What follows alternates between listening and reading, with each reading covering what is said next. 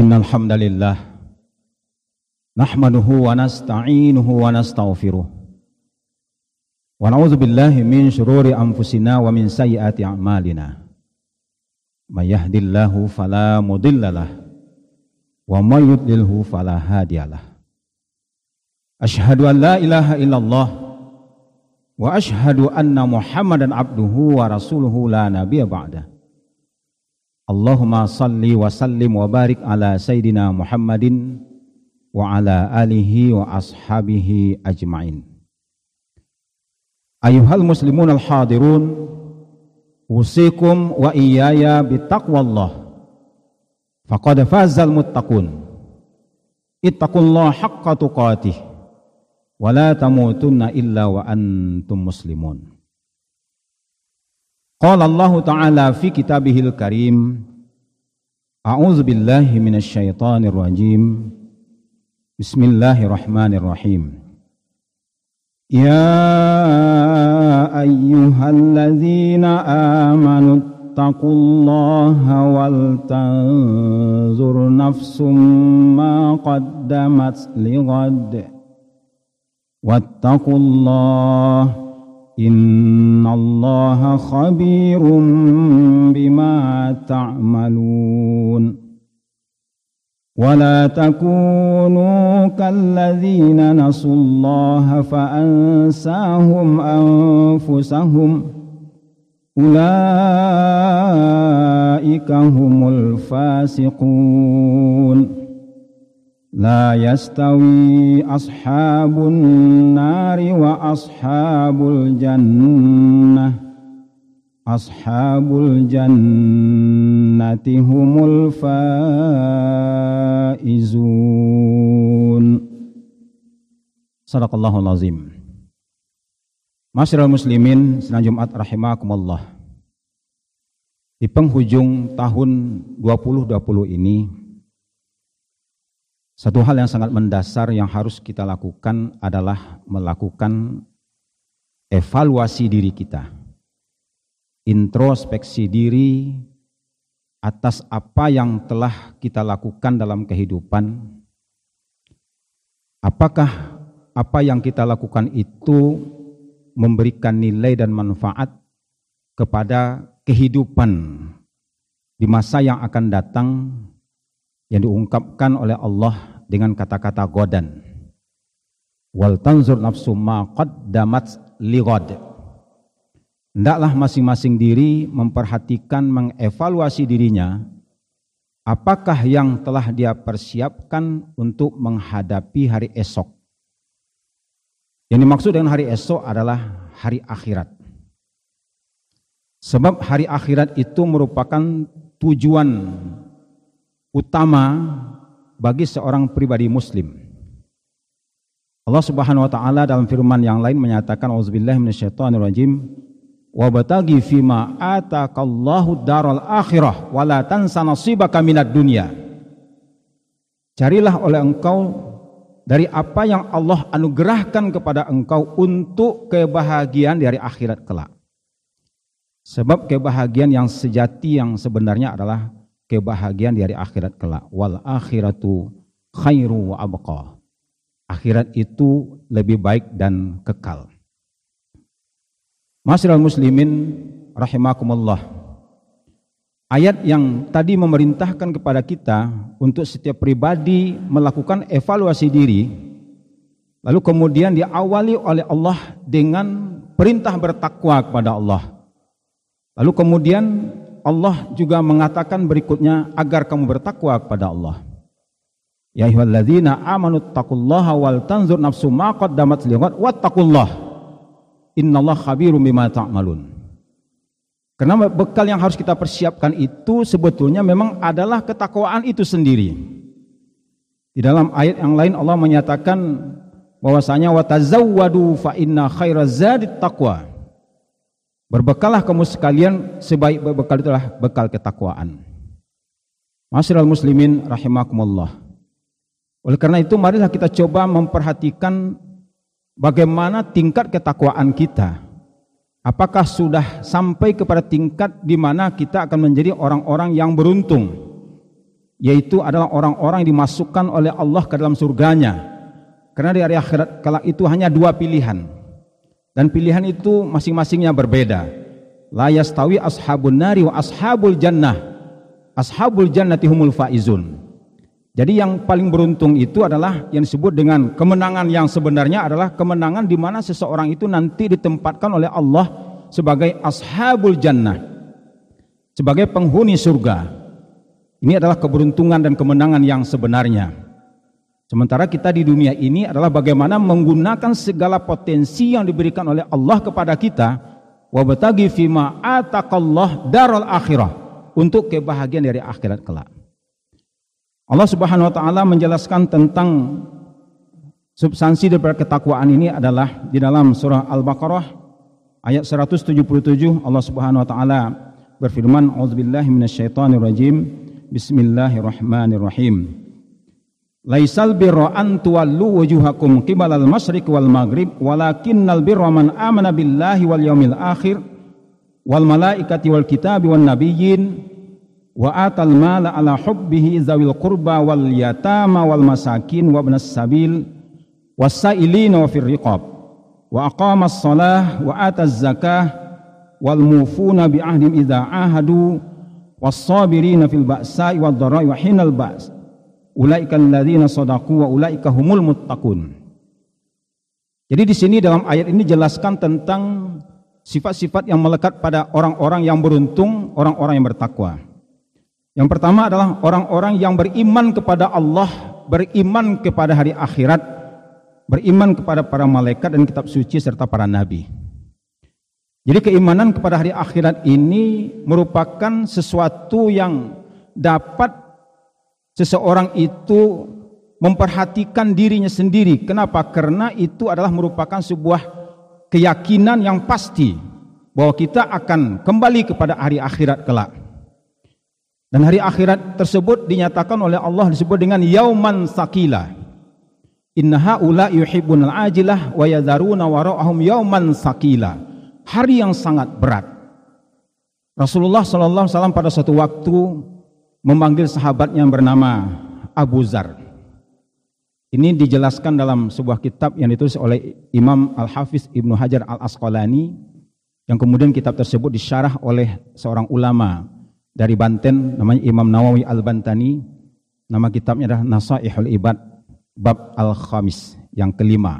Hadis-hadis yang di mana itu terdapat lima empat empat hal ar-rabi ya ar-rabi situ Rasulullah memanggil Abu Zar mengatakan ya Abu Zarrin jadi di safinata fa innal bahra amik. Wa khudhiz zada kamila fa inna safara ba'id. Wa khaffifil himla fa innal aqabata kaud. Wa akhlisil amala fa innan naqida basir. Wahai Abu Zar perbaharuilah kapalmu karena lautan itu sangat dalam siapkanlah bekal yang cukup karena perjalanan itu sangat jauh ringankanlah bebanmu karena gunung yang akan engkau lalui itu adalah gunung yang terjal yang sangat berbahaya. Dan ikhlaslah dalam beramal karena Allah Subhanahu wa taala itu sangat memperhatikan dengan teliti apa yang dilakukan oleh hambanya. Dalam hadis ini Rasulullah SAW memberikan sebuah gambaran betapa akhirat itu sesuatu hal yang sangat berat. Diibaratkan seperti lautan yang sangat dalam. Diibaratkan seperti gunung yang terjal. Diibaratkan seperti perjalanan yang sangat jauh bagaimana kita bisa selamat daripada perjalanan yang sangat dahsyat tersebut. Di sinilah kemudian Rasul mengatakan wa akhlisil amala fa inna naqida basir. Dalam kau ikhlas dalam beramal. Karena amal ibadah kita inilah yang menentukan bagaimana nanti nasib kita di akhirat kelak. Karena semua apa yang kita lakukan itu akan diperhitungkan oleh Allah Subhanahu wa taala. Maka yang paling berat itu adalah ketika kita melakukan suatu sikap atau satu perbuatan kezaliman. Karena Rasulullah mengatakan ittaqu zulma fa inna zulma zulmatun yaumal qiyamah. Hindarilah diri kamu dari melakukan kezaliman karena kezaliman itu akan membawa kegelapan nanti pada hari akhirat kelak. Dan kita memang dalam kehidupan ini pasti melakukan kezaliman-kezaliman dalam diri kita. Tidak ada satupun orang yang terbebas dari dosa. Rasulullah mengatakan dalam salah satu hadis, "Kullu bani Adam khata wa khairu khata'in at-tawwabun." Setiap anak keturunan Adam pasti ada salahnya. Oleh karena itu kezaliman itu dapat dibagi tiga dalam salah satu hadis. Yang pertama ada kezaliman yang tidak akan diampuni oleh Allah. Itu ketika ada seseorang melakukan perbuatan-perbuatan syirik lalu kemudian dia meninggal dalam kemusyrikan, tidak sempat bertobat. Maka dosanya tidak akan diampuni oleh Allah, dia kekal di neraka. Kemudian yang kedua adalah dosa yang diampuni oleh Allah adalah ketika seorang melakukan pelanggaran-pelanggaran terhadap hukum-hukum Allah. Salat dilaksanakan tidak sempurna, puasa terkadang tidak dilakukan, ibadah haji yang sudah saatnya dia harus berangkat tidak berangkat. Banyak aturan-aturan Allah yang dia langgar. Lalu kemudian dia menyadari bahwa itu adalah sebuah kesalahan. Lalu kemudian dia bertobat, maka tobatnya akan diterima oleh Allah. Tapi ada dosa kezaliman yang ketiga adalah kezaliman yang tidak dibiarkan begitu saja oleh Allah, yaitu kezaliman seseorang manusia terhadap manusia yang lain. Maka Nabi mengatakan al-muslim alal muslim haramun. Muslim dengan muslim yang lain itu sesama kita muslim ada yang diharamkan. Yang pertama adalah damuhu, menumpahkan darahnya. Jadi kalau ada orang menumpahkan darah saudaranya muslim, maka urusannya nanti adalah dengan Allah Subhanahu wa taala. Kemudian yang kedua adalah maluhu, hartanya. Kalau ada orang yang menggunakan kesempatan-kesempatan untuk mengambil harta orang lain untuk kepentingan dirinya, maka dia akan berat nanti di hari akhirat kelak. Karena itu akan diperhitungkan oleh Allah Subhanahu wa taala. Di dunia pun juga dia akan mendapatkan balasannya. Dan kemudian yang ketiga adalah irduhu, harga diri.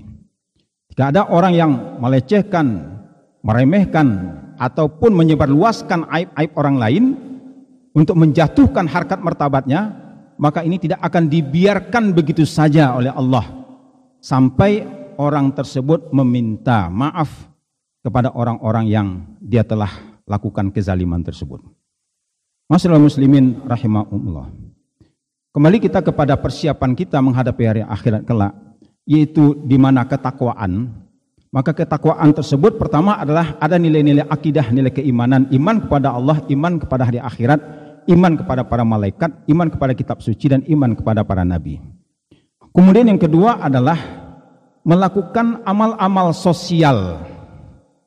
Yaitu adalah wa atal mala ala hubbihi zawil qurba wal yatama wal masakin wa sabil wasailina wa firriqab yaitu bagaimana menggunakan harta yang kita cintai yang kita senangi.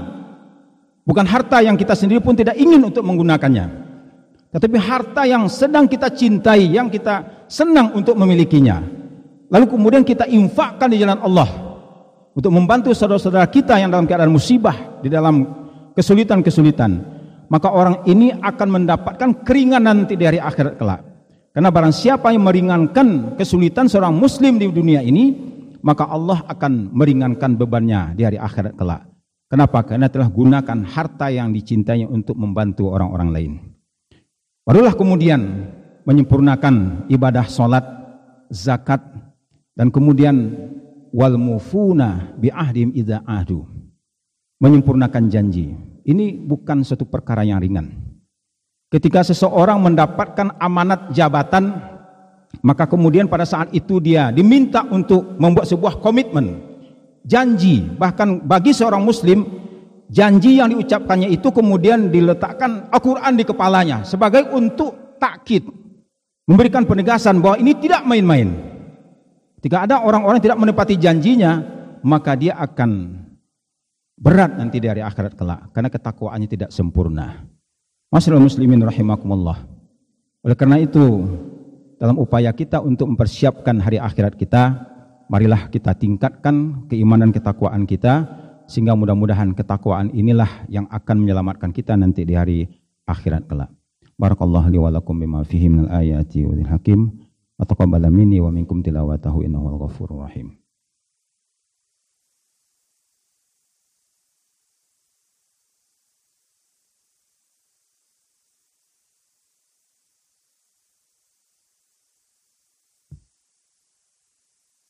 Alhamdulillahilladzi hadana li kunna linahtadiya laula an hadanallah. Asyhadu an la ilaha illallah wa asyhadu anna Muhammadan abduhu wa rasuluhu la. Allahumma salli wa sallim wa barik ala sayyidina Muhammadin wa ala alihi wa ashabihi ajma'in. Ittaqullaha haqqa tuqatih wa la tamutunna illa wa antum muslimun. Masyiral muslimin rahimakumullah. Allah Subhanahu wa taala mengingatkan jangan sampai kita melupakan Allah sehingga Allah juga melupakan kita. Dan salah satu di antara yang diingatkan oleh Rasulullah kepada kita adalah yaitu persoalan tasyabuh. Yaitu kita melakukan sesuatu yang dilakukan oleh orang-orang yang berbeda akidah dengan kita. Jadi kita harus mencoba untuk memahami bahwasanya e, bertoleransi terhadap keyakinan selain keyakinan kita sebagai muslim, kita ambil saja ayat surah Al-Kafirun. Qul ya ayyuhal kafirun la a'budu ma ta'budun wa la antum 'abiduna ma a'bud. Wa la ana 'abidu ma wa la antum 'abiduna ma a'bud. Lakum dinukum waliyadin. Jadi lakum dinukum waliyadin. Bagi kamu agamamu dan bagiku agamaku. Karena ini adalah merupakan hal yang berkaitan dengan akidah. Jangan sampai ketakwaan kita ini dirusak oleh perbuatan diri kita sendiri yang merusak akidah kita yaitu kita melakukan tasyabuh. Man tasyabbaha biqaumin fahuwa minhum kata Rasulullah. Tasyabuh yang diharamkan itu tasyabuh dalam akidah dan ibadahnya orang yang berbeda akidah dan keyakinan kita. Inilah yang diharamkan dalam agama Islam. Jadi jangan sampai kita atas nama bertoleransi kemudian kita ikut-ikutan melakukan apa yang dilakukan oleh agama lain. Karena Allah sudah menyatakan lakum dinukum waliyadin.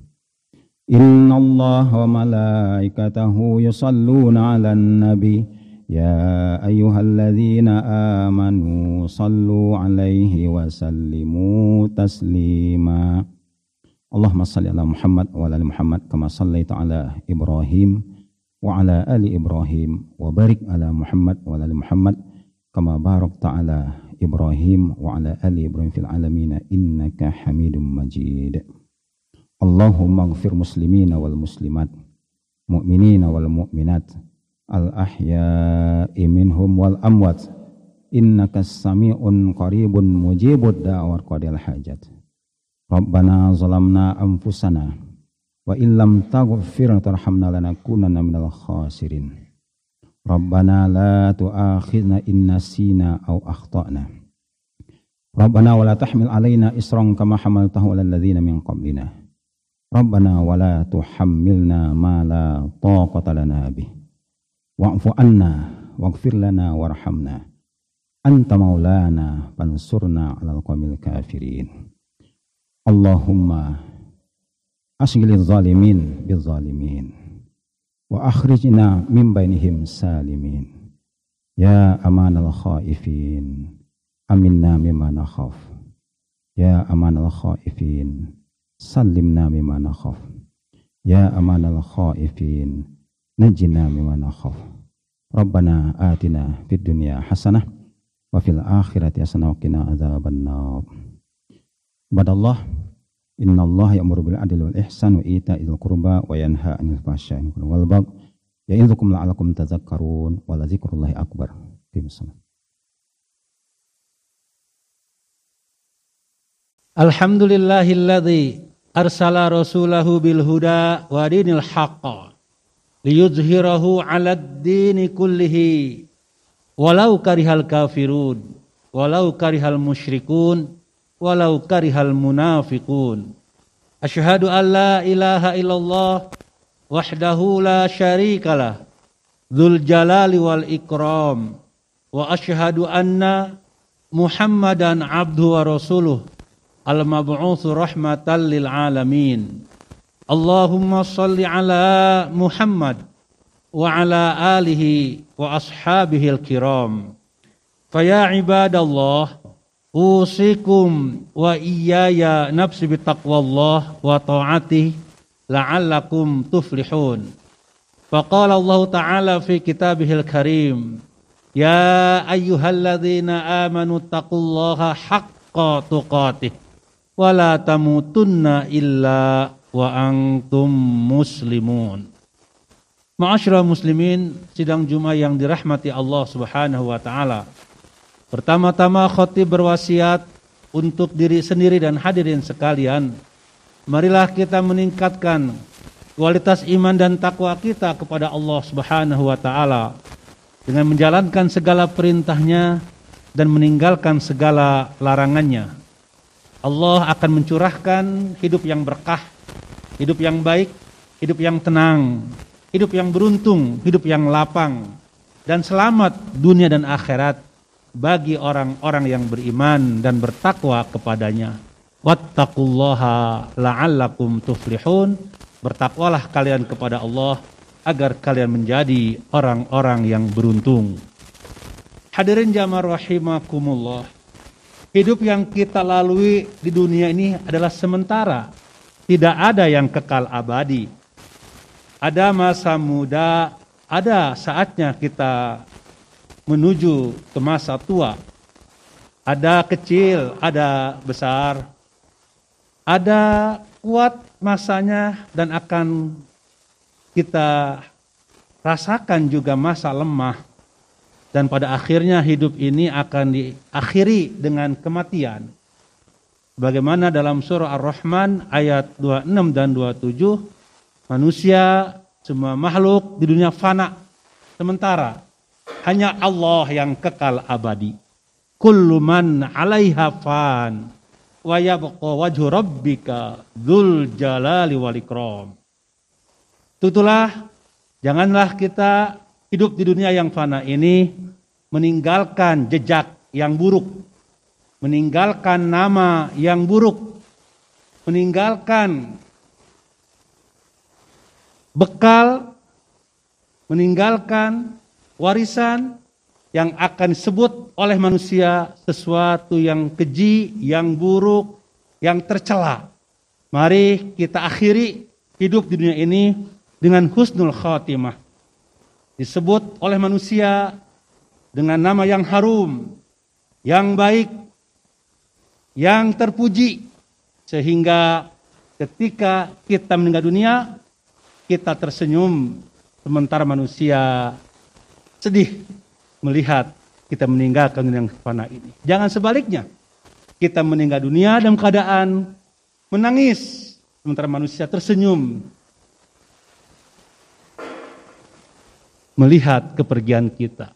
Dengan demikian, mari kita ingat bahwa hidup yang sementara ini akan diakhiri dengan kematian. Dan kematian sudah pasti dihadapi setiap manusia. Karena Allah sudah memponis kita mati tinggal menunggu kapan eksekusinya saja menunggu waktunya saja. Sebagaimana firman Allah dalam surah Ali Imran ayat 185 dan Al-Anbiya ayat 35 Allah berfirman kullu nafsin za'iqatul maut dan kematian datang tidak pandang bulu dia bisa datang pada yang muda duluan atau sebaliknya. Dia bisa datang pada yang sehat duluan atau sebaliknya. Dia bisa datang pada anak duluan atau bapaknya atau sebaliknya. Yang jelas kematian adalah hak prerogatif mutlak Allah Subhanahu wa taala. Kam min salimin mata min gori illah. Berapa banyak orang yang segar bugar mati tanpa sebab. Wakam min saqimin asya hinam minadahri. Sebaliknya, berapa banyak orang yang sakit, lama sakitnya, tapi panjang umurnya. Jadi kematian itu bisa datang kepada siapa saja tanpa pandang bulu. Dalam surah Luqman ayat 34 ayat terakhir Allah berfirman, "Wa ma tadri nafsum madza taksibu goda." Wa ma tadri nafsum bi ayyi ardin tamut. Tidak ada orang yang mengetahui apa yang terjadi esok hari pada dirinya. Kita boleh berencana esok hari Sabtu mau ke mana, acara apa, tapi apakah hari Sabtu kita masih hidup? Hanya Allah yang tahu. Wa ma tadri nafsum madza taksibu goda. Wa ma tadri nafsum bi ayyi ardin tamut. Dan tidak ada orang yang tahu di tanah mana dia akan meninggal dunia. Dengan demikian maka kematian akan datang cepat, mufajaatan, tiba-tiba dan itu hanya Allah yang mengetahuinya. Dan kita manusia diperintahkan oleh Rasul. Sebagaimana Rasul memberikan arahan kepada istrinya Aisyah aksiri min zikri hazimil lazat atau aksiri hazimil lazat perbanyaklah engkau hai Aisyah mengingat pemutus kenikmatan yakni al maut jadi kita diperintahkan dalam agama untuk banyak mengingat mati karena kematian kalau sudah datang tidak bisa ditunda-tunda walaupun sesaat qul innal mautal ladzi tafiruna minhu fa innahu mulaqikum. Katakanlah hai Muhammad, sesungguhnya kematian itu yang engkau lari darinya, dia akan menghampirimu.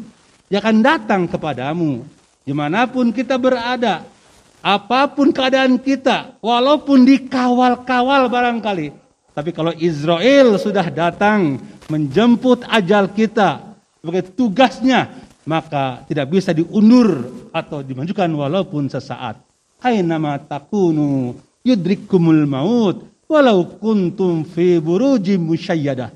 Anisa ayat 78. Di mana pun engkau berada, kematian akan menjemputmu walaupun engkau berada di benteng, di gedung bertingkat yang kokoh. Tapi kalau kematian sudah datang tidak bisa diundur atau dimajukan walaupun sesaat. Untuk itulah jangan sampai kita terlena dalam hidup yang sementara ini.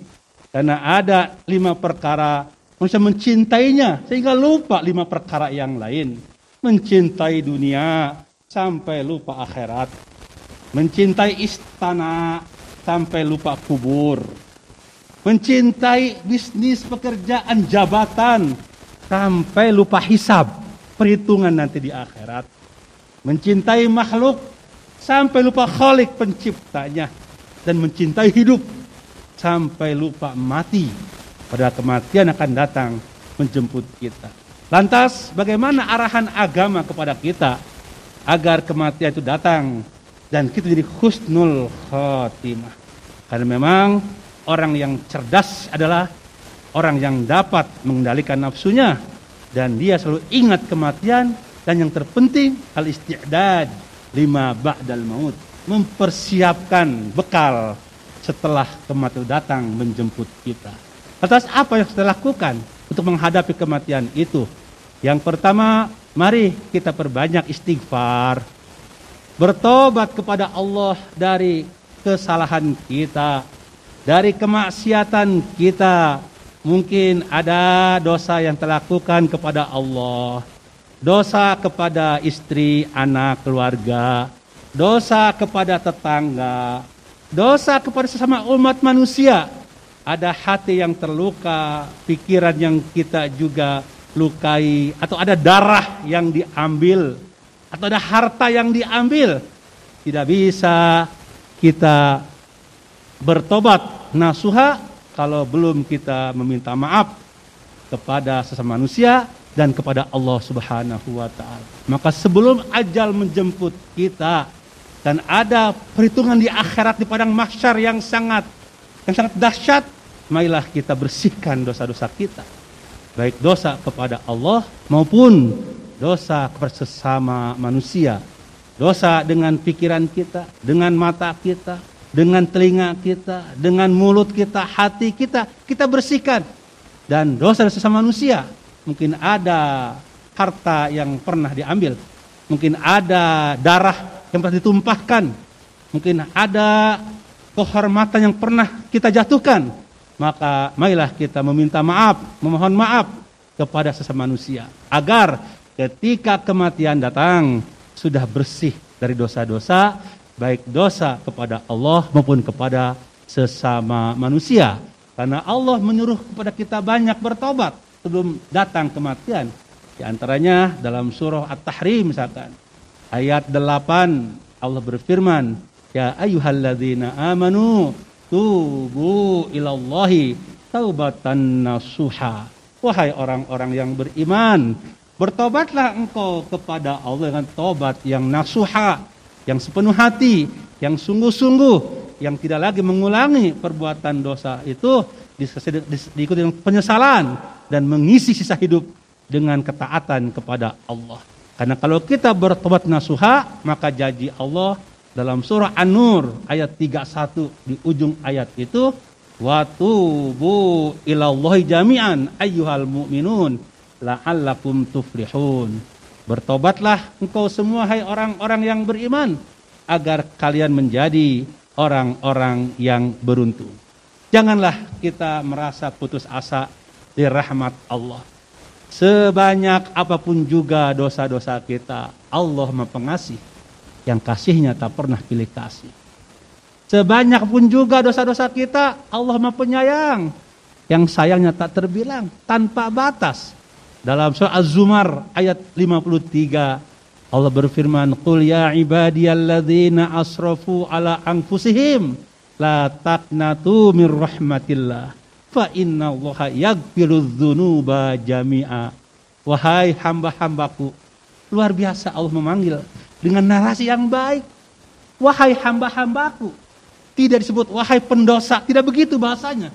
Wahai hamba-hambaku yang suka berbuat jahat, yang suka berbuat maksiat, yang berbuat zolim kepada dirinya sendiri. La taqnatu min rahmatillah. Jangan kalian putus asa dari rahmat Allah Subhanahu wa taala. Fa innallaha yaghfirudz dzunuba jami'a. Nah, sesungguhnya Allah mengampuni dosa-dosa kalian semua.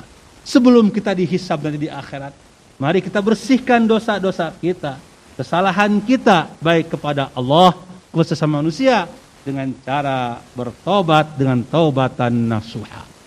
Kemudian yang kedua, yang terakhir barangkali dalam khutbah yang singkat ini, menghadapi kematian, perbanyaklah iman, perbanyaklah amal soleh dengan landasan iman kepada Allah Subhanahu wa taala. Karena ketika kita meninggal dunia, tidak ada manfaatnya kecuali amal kita. Akhillah ubnu Adam salah satun ada tiga teman yang akan menghantarkan anak Adam.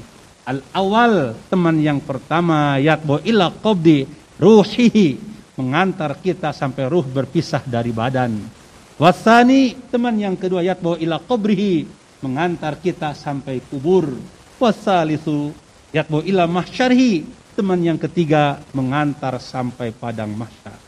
Adapun teman yang mengantar sampai ruh berpisah dari badan adalah harta jadi harta, jabatan, kedudukan, kekuasaan yang dimiliki manusia putus hubungan ketika ajal menjemputnya. Titel yang sederhana pun disebut dengan almarhum saja. Tanah hektaran yang digunakan cuma selebar dan sepanjang tubuhnya. Mobil yang dimiliki yang digunakan cuma keranda. Kalau jauh mungkin pakai ambulan saja. Itulah Berbahagialah makanya orang yang membangun misalkan ini masjid karena Allah mengatakan nah Rasul bersabda barang siapa yang membangun masjid dia akan menyiapkan istana nanti di surga. Berbahagialah orang yang berinfak dengan berbanyak infak dan infak itulah yang akan menyelamatkan dia nanti di akhirat.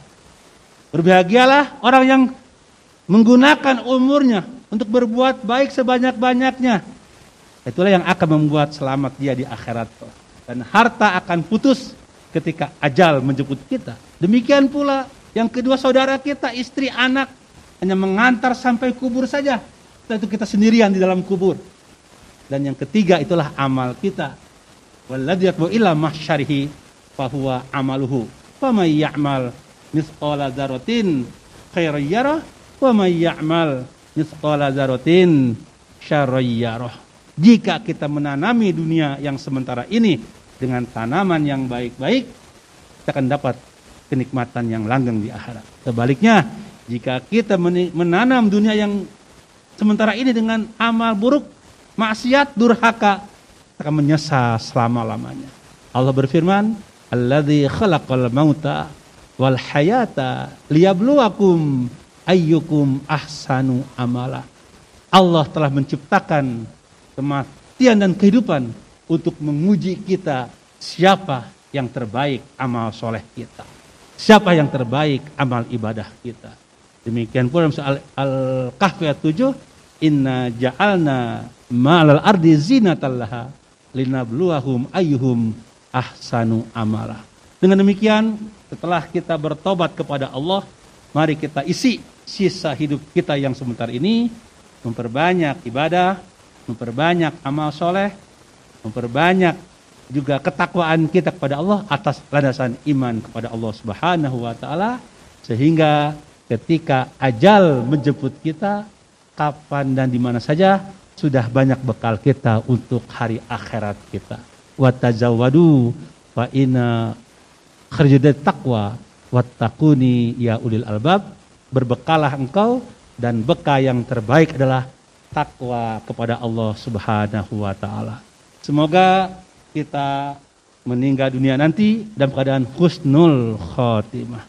Kita meninggalkan dunia dengan senyum, sementara manusia bersedih mengiringi kepergian kita. Dan ketika kita lahir dulu, kita tersenyum. Kita menangis ketika lahir.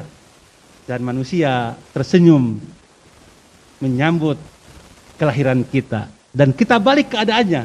Ketika meninggal, kita tersenyum dan manusia bersedih mengiringi kepergian kita. Jangan dibalik keadaannya. Ketika kita lahir, kita menangis, manusia tersenyum. Dan ketika meninggal, kita pun menangis, dan manusia tersenyum mengiringi kepergian kita. Jangan seperti itu.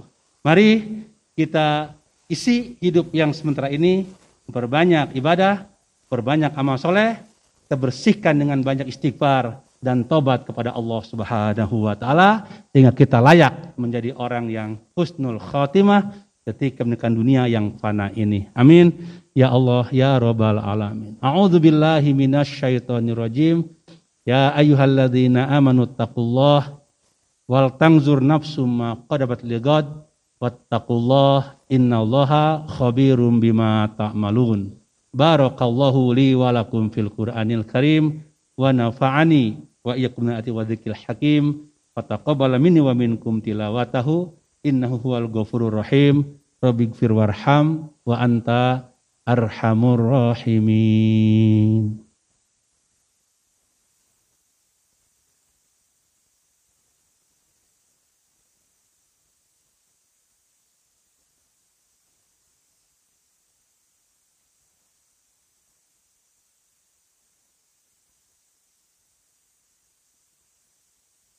Alhamdulillahilladzi hadana lihada wa ma kunna linahtadiya laula an hadanallah. Asyhadu an la ilaha illallah wahdahu la syarikalah wa asyhadu anna Muhammadan abdu wa rasuluh. Allahumma salli ala Muhammad wa ala alihi wa ashabihi kiram. Faya ibadallah usikum wa iyaya nafsi bitaqwallah. Faqad fazal muttaqun. Inna Allah amarakum bi amrin bada'a fihi bi nafsih. Inna Allah wa malaikatahu yusalluna ala nabi. Ya ayyuhalladzina amanu sallu alaihi wa sallimu taslima. Allahumma salli ala Sayyidina Muhammad wa ala ali Sayyidina Muhammad wa sallim wa radiyallahu tabaraka wa ta'ala an kulli sahabati rasulillahi ajma'in walhamdulillahi rabbil alamin. Allahumma gfirlil mu'minin wal mu'minat wal muslimin wal muslimat al ahya'i minhum wal amwat. Allahumma ij'al hadzal balada amina warzuq ahlahu minas samarat. Man amana minhum wal yaumil akhir. Allahumma kfina wasrif anna syarraz zalimin wa makral makirin wa syarra masaibid dunya wad din. Allahumma dfa'anna al bala wal waba wal fahsya wal munkar wal mihan wal fitan. Ma zuhara minha wa ma batan min badina hadza khasah wa min buldanil muslimina amma. Allahumma inna na'udzubika minal baros wal junun wal judam wa min sayil asqam. Allahumma ansur man nasraddin wa khzul man khajalal muslimin. Allahumma ahlikil kafarata wal musyrikin a'da'aka a'da'ad-din Allahumma syatit syamlahum wa mazik jam'ahum wa zalzil aqdamahum wa alqi fi qulubi muru'ba innaka ala kulli syai'in qadir. Rabbana najjina minal qaumiz zalimin. Rabbana najjina minal qaumil kafirin. Rabbana najjina minal qaumil musyrikin. Rabbana najjina minal qaumil munafiqin. Allahumma inna nas'aluka husnal khatimah. Allahumma inna nas'aluka husnal khatimah. Allahumma inna nas'aluka husnal khatimah. Rabbana atina fid dunya hasanah wa fil akhirati hasanah wa qina adzabannar. Ibadallah إن الله يأمر بالعدل والإحسان وإيتاء ذي القربى وينهى عن الفحشاء والمنكر والبغي يعظكم لعلكم تذكرون ولذكر الله أكبر. أقيموا الصلاة. الحمد لله. الحمد لله الذي أرسل رسوله بالهدى ودين الحق ليظهره على الدين كله وكفى بالله شهيدا. أشهد أن لا إله إلا الله وحده لا شريك له إقرارا به وتوحيدا وأشهد أن محمدا عبده ورسوله الذي لا نبي ولا رسول بعده. اللهم صل وسلم وبارك على نبينا محمد وعلى آل الطاهرين الطيبين. وأصحابه أجمعين ومن سار على نهجهم إلى يوم الدين. فقد قال تعالى في كتابه الكريم أعوذ بالله من الشيطان الرجيم. يا أيها الذين آمنوا اتقوا الله ولتنظر نفس ما قدمت لغد واتقوا الله إن الله خبير بما تعملون. أما بعد أيها المسلمون usikum wa iyaya bittaqwallah faqad fazal muttaqun. Kaum muslimin sidang Jumat yang dirahmati Allah Subhanahu wa taala. Marilah kita senantiasa meningkatkan kualitas ketakwaan kita kepada Allah dengan sebaik-baiknya takwa. Karena Ketika takwa kita tidak baik, maka akan menyesal kelak. Salah satu yang disesalkan manusia ketika menghadap Allah, kenapa tidak maksimal, kenapa tidak melakukan takwa dengan cara yang terbaik, dengan cara haqqa tuqatih, dengan sebaik-baiknya takwa.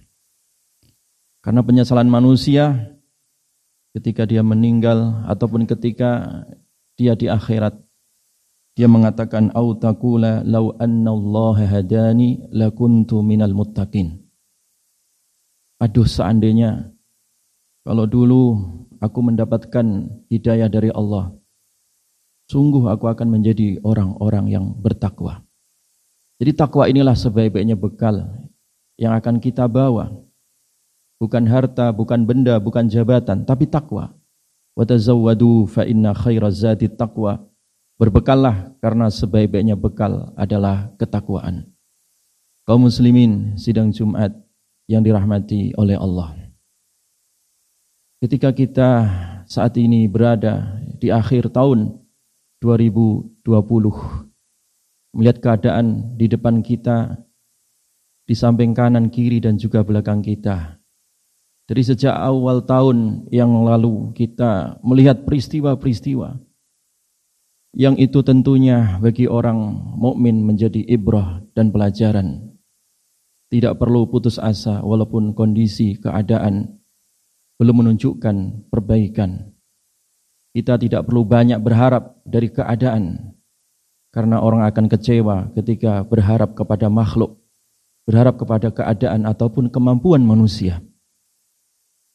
Yang kita harapkan hanyalah kepada Allah Subhanahu wa taala, tempat bertawakal, tempat kita bersandar dari segala urusan. Karena manusia adalah makhluk yang lemah. Manusia adalah banyak kesalahan dan juga dosanya. Tentu inilah menjadi bahan refleksi kita di akhir tahun ini dan juga menjadi bahan muhasabah kita. Inilah yang diingatkan oleh Nabi sallallahu alaihi wasallam ketika datang salah seorang sahabat bertanya tentang masalah keadaan. Minta wasiat, minta nasihat yang singkat dan padat tetapi mengurai dari semua problematika kehidupan manusia. Datang kepada Nabi sallallahu alaihi wasallam dan bertanya untuk meminta nasihat. Ya Rasulullah, ausini. Ausini ya Rasulullah wa aujis. Ya Rasulullah, wasiati aku. Wasiatkan kepada kami ya Rasulullah tentang keadaan ini. Dan cukup singkat saja wasiatnya. Faqala lahu Nabi sallallahu alaihi wasallam. Kemudian Nabi sallallahu alaihi wasallam beliau memberikan nasihat alaika bil iyas mimma fi aidin nas hendaklah kamu putus dari tangan-tangan manusia. Artinya jangan banyak berharap dari manusia. Jangan banyak berharap dari makhluk yang bernama manusia ini.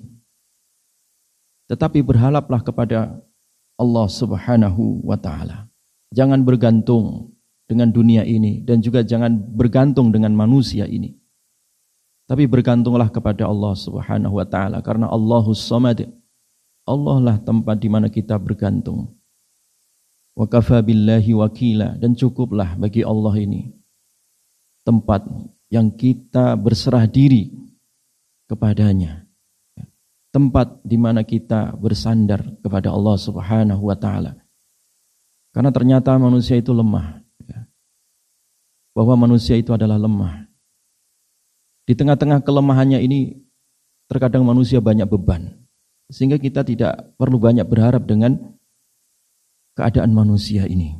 Kecuali kita berharap kepada Allah subhanahu wa ta'ala. Sungguh dengan rahmat dan juga fadl anugerah Allah. Ini yang kita harapkan. Qul bi fadlillahi wa bi rahmatihi fa bidzalika falyafrahu huwa khairum mimma yajma'un. Katakan Muhammad ya, kepada manusia, katakan kepada para sahabatmu, kepada umat ini. Bifadlillahi dengan fadl, ya, anugerah. Wabi rahmatihi dan dengan rahmatnya Allah. Fabidzalika falyafrahu. Maka dengan itulah mereka hendaklah bangga, mereka hendaklah senang. Jadi kesenangan kita sebagai seorang mukmin itu adalah rahmat Allah. Anugerah Allah dalam segala kondisi fadl minallah ya. fadlum minallah inilah yang kita harapkan ya. dan itu adalah sebaik-baiknya harapan kepada Allah Subhanahu wa taala. Karena kalau manusia ini berharap kepada manusia yang lemah dia sama saja bergantung. Sebagaimana laba-laba bergantung pada sarangnya yang sangat lemah. Rumah yang sangat lemah mudah terkoyak ketika terkena angin ataupun badai. Tapi Ketika manusia bergantung kepada Allah Subhanahu wa taala itu adalah kekuatan yang final, kekuatan yang tidak ada kekuatan setelah itu. Oleh karena itu, Nabi sallallahu alaihi wasallam berwasiat kepada kita, "Alaika bil iyas mimma fi aidin nas." Hendaklah kalian terputus dari harapan dari apa yang ada di tangan-tangan manusia. Jamaah sekalian yang dirahmati oleh Allah Subhanahu wa taala. Kemudian yang kedua, wasiat Nabi sallallahu alaihi wasallam kepada sahabat dan kepada kita semua. Wa iyyaka wat. Jauhilah kamu tentang tamak ini, sifat tamak, sifat rakus. Fa innahul faqru al hadir. Karena tamak itu, sifat rakus itu adalah kefakiran yang instan. Kefakiran yang instan. Kefakiran yang sifatnya abadi. Kenapa? Karena ketika manusia itu semakin rakus terhadap rezeki orang lain, dia akan mengambil hak orang lain. Atau semakin rakus terhadap hartanya sendiri, dia telah menahan hak untuk disalurkan kepada orang lain.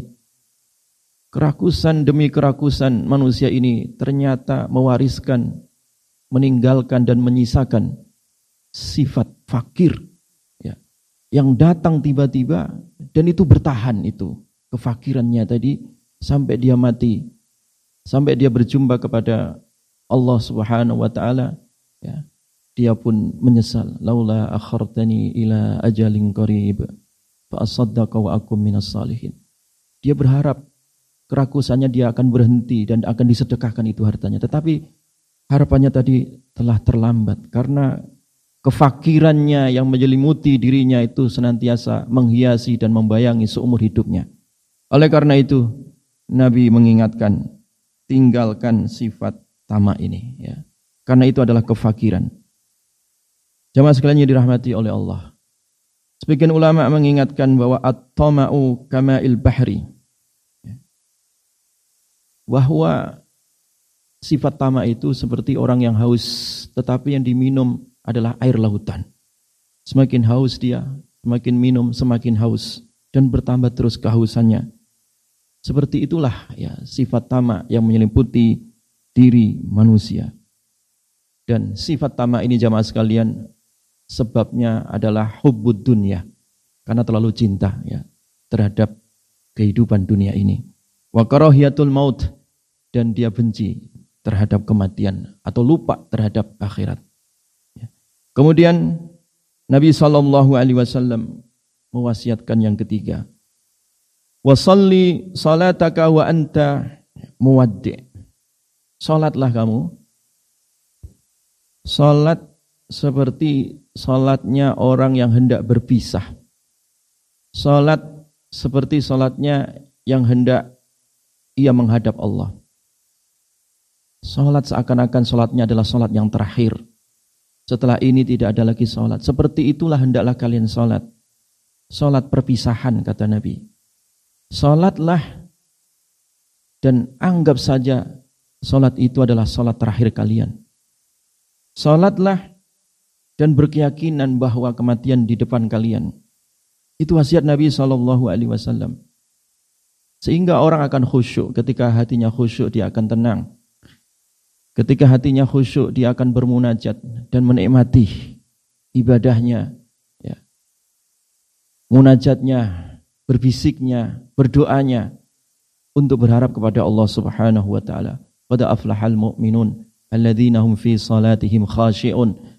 Sungguh beruntung orang mukmin itu yaitu orang-orang yang di dalam salatnya mereka adalah orang-orang yang khusyuk ya.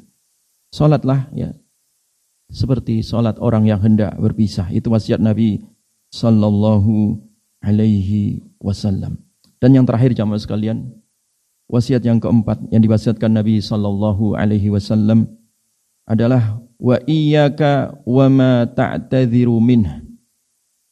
Wa iyyaka dan jauhilah kalian dengan apa yang membuat kalian banyak membuat alasan. Jangan menjadi orang itu hanya sekedar banyak membuat alasan atau hanya sekedar penyesalan di mulut karena ketergesa-gesaan dari sikap ataupun pemikiran. Di sinilah Nabi mengajarkan supaya orang mukmin itu dia berhati-hati di dalam ucapan, di dalam tindakan maupun di dalam sikapnya. Jangan tergesa-gesa supaya tidak ada alasan lagi tidak ada penyesalan lagi setelah apa yang itu dia kerjakan. Di sinilah Nabi Shallallahu Alaihi Wasallam memerintahkan pentingnya mawas diri, muhasabah diri, refleksi diri, supaya manusia itu tidak menyesal di hari kemudian ataupun di hari esok. Karena ketergesa-gesaan itu sumbernya adalah was-was dari setan. Al-ajalatu minasyaitan. Jadi ketergesa-gesaan itu adalah berangkat ya, dari was-was setan at-ta'anni minar rahman sementara berpikir matang ya. Seseorang ketika dia berpikir matang, berpikir dewasa di dalam menghadapi segala hal, itulah ilham, petunjuk dari Allah Subhanahu wa taala. Sehingga seorang mukmin itu senantiasa introspeksi diri, ya, muhasabah diri sehingga tidak menyesal di hari kemudian.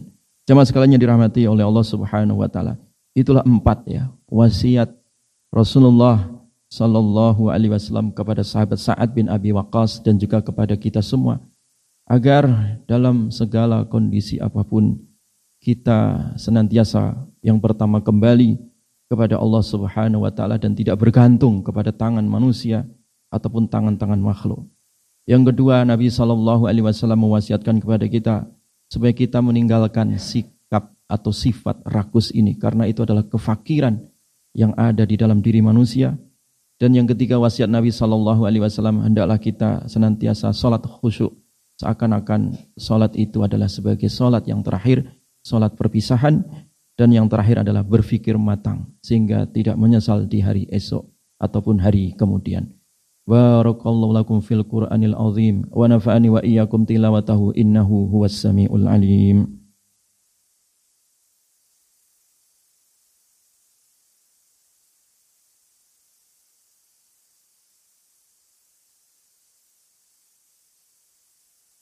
الحمد لله إن الحمد لله نحمده ونستعينه ونستغفره ونعوذ بالله من شرور أنفسنا ومن سيئات أعمالنا من يهده الله فلا مضل له ومن يضلل فلا هادي له. أشهد أن لا إله إلا الله وحده لا شريك له وأشهد أن محمدا عبده ورسوله الذي لا نبي ولا رسول بعده. فقد قال تعالى في كتاب الكريم أعوذ بالله من الشيطان الرجيم. يا أيها الذين آمنوا اتقوا الله حق تقاته ولا تموتن إلا وأنتم مسلمون. فإن الله تعالى أمرنا بأن نصلي ونسلم على نبينا محمد صلى الله عليه وسلم وبدأ بنفسه ثم ثن بملائكته فقال إن الله وملائكته يصلون على النبي. يا أيها الذين آمنوا صلوا عليه وسلموا تسليما. اللهم صل وسلم وبارك على نبينا محمد وعلى آله الطاهرين الطيبين وأصحابه أجمعين ومن سار على نهجهم إلى يوم الدين. اللهم اغفر للمسلمين والمسلمات والمؤمنين والمؤمنات الأحياء منهم والأموات. إنك أنت السميع قريب مجيب الدعوات ويقاضي الحاجات اللهم أرنا الحق حقا وارزقنا اتباعه وأرنا الباطل باطلا وارزقنا اجتنابه. اللهم لا تدع لنا في مقامنا هذا ذنبا إلا غفرته ولا هما إلا فرجته ولا كربا إلا نفسته ولا دينا إلا قضيته ولا عسيرا إلا يسرته ولا مريضا إلا شفيته ولا ميتا إلا رحمته ولا أدوا إلا خدلته ولا ضالا إلا هديته ولا مبتلا إلا عافيته. ولا حاجة من حوائج الدنيا والآخرة. هي لك رضا ولنا فيها صلاح إلا عنتنا ويسرتنا على قضائها برحمتك يا أرحم الراحمين. اللهم ادفع عنا الغلاء والوباء والفحشاء والمنكر والطاعون ما ظهر منها وما بطن. في بلدنا هذا خاصة ومن بلدان المسلمين عامة. إنك على كل شيء قدير. ربنا هب لنا من أزواجنا وذريتنا قرة أعين واجعلنا للمتقين إماما. ربنا آتنا في الدنيا حسنة وفي الآخرة حسنة وقنا عذاب النار. سبحان ربك رب العزة عما يصفون وسلام على المرسلين الحمد لله رب العالمين. عباد الله إن الله يأمر بالعدل والإحسان وإيتاء ذي القربى وينهى عن الفحشاء والمنكر والبغي يعظكم لعلكم تذكرون ولذكر الله أكبر. أقيموا الصلاة.